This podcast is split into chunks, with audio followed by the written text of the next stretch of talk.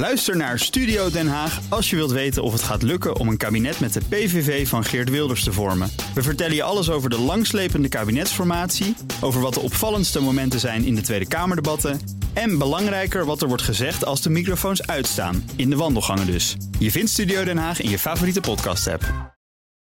Mobility Update. Ah, en dan zit Meijner Schut hier deze week. Van BNR Mobility. Truwa, wat gezellig dat je er bent.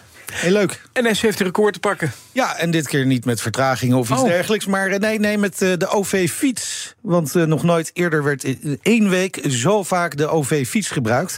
Nou, dan wil je weten misschien ook hoe vaak, vaak? dan. Dankjewel, Ivan. Ja. Eh, dat weten we niet. De NS wil dat niet bekendmaken... omdat het om concurrentiegevoelige informatie zou gaan. Ja. Een overheid, ook beetje- We zeggen we hebben een record, maar we zeggen niet hoeveel. Eh, Ik, Ja. ik, ik kan de 100 meter in een recordtijd lopen. We- we- Wat we wel weten Bolt, is dat het aantal ritten met eh 37% steeg... ten opzichte Mhm. van eh, diezelfde week vorig jaar. Dus je moet eigenlijk gewoon... Dat was vorig jaar, die zelfs? Ja, geen idee. Oh, hebben, we niet, hebben ze niet verteld. Concurrentiegevoelig Het was het alweer informatie. 35 Dat is wel meer, hè? Ja, het was het 25% meer dan het jaar de, ervoor. ma- de maancijfers die kennen we wel. Dus je kunt ook gewoon door 4,2 delen. hè. Volgens mij is dat dan, eh, dan heb je de weekcijfers eigenlijk. Eh 513.000 keer werd vorige maand de OV-fiets eh, uitgeleend. Een jaar eerder waren dat er nog 500.000.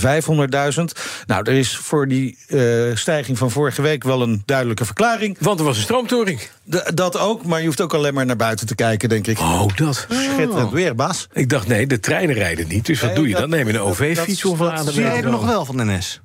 Nou, Oh. dat is ook een goede vraag. Want er is ook wel behoorlijk wat geklaag. Omdat in de NS-app staan die fietsen dan, blijkbaar.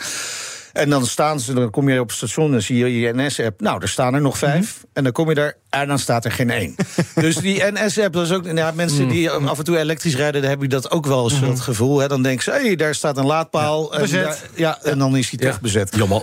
Nou, eh, NS werkt eraan. Eh, mogelijk dat dat in de toekomst wat eh, gaat veranderen. Want de NS heeft eerder deze week een, een deal gesloten met Tier deelfietsen. Hadden we het over in BNR Mobility. we Misschien gehoord. kunnen die dat gat een klein beetje gaan oplossen. Ja, en het gaat iets verder dan OV-fietsen, maar die kan je overal neerzetten. Die kun je gewoon lekker overal neerzetten. Ja, moet je even luisteren naar eh, BNR's Mobility. Ja. Uitzending van afgelopen maandag.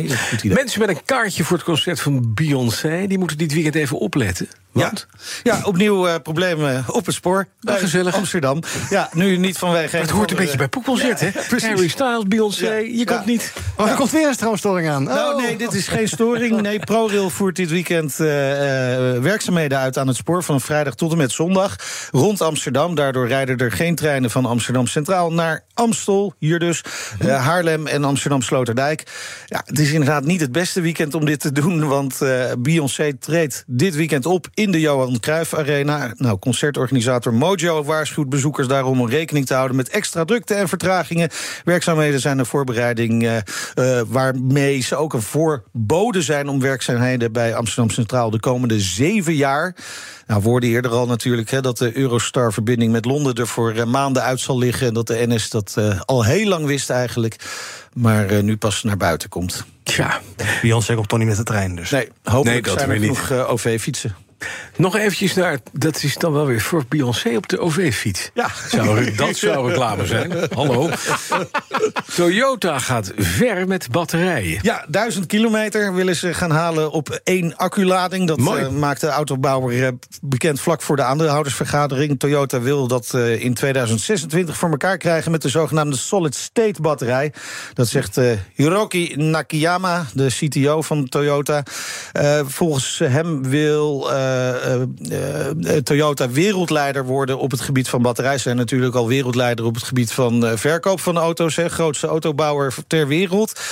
Ja, die solid-state batterij is wel een beetje de holy grail van de EV. Hè. Heeft hogere energiedichtheid, geen vloeibare componenten. Daardoor zijn ze in theorie ook veiliger. Ja. Hogere opslagcapaciteit, zijn ook lichter. Nou, dan kun je er ook verder mee doorrijden.